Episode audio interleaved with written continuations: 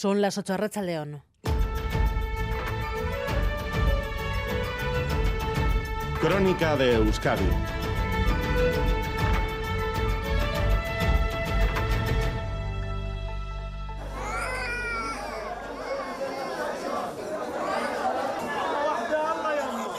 Lo que están escuchando es un hospital en Gaza, heridos, gente desesperada y sin electricidad, ni funcionan los quirófanos ni las incubadoras. La población civil sufre el quinto día de bloqueo total. La principal central eléctrica ya no funciona, el agua ya no puede depurarse, no pueden entrar alimentos y los bombardeos siguen. Ya hay más de 1.400 muertos en Gaza.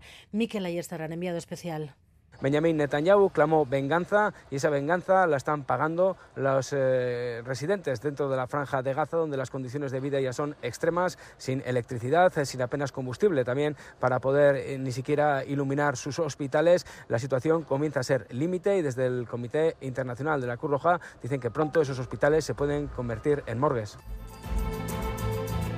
Al otro lado del muro, el ejército israelí sigue acumulando tropas preparando la entrada en Gaza. Netanyahu ha recibido hoy el apoyo incondicional de Estados Unidos, de su secretario de Estado. Aquí estamos y no vamos a dejaros nunca, le ha dicho Anthony Blinken.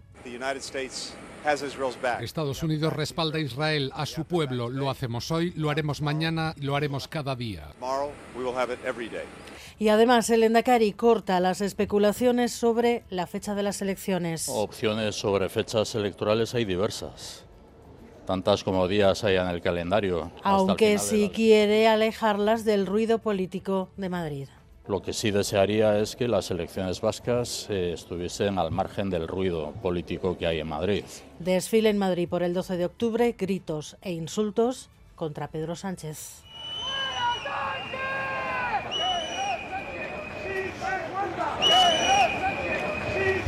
Así viene este 12 de octubre, además en carreteras, problemas a esta hora en Álava, Ederne Frontera, Rachaldeón. Rachaldeón, sí, el Departamento de Seguridad del Gobierno Vasco recomienda precaución si circulan por la Nacional 124 en La Guardia, sentido Logroño, y se ha registrado una colisión con dos turismos, hay un carril cortado, se pueden generar retenciones, precaución, recuerda Nacional 124 en La Guardia, sentido Logroño.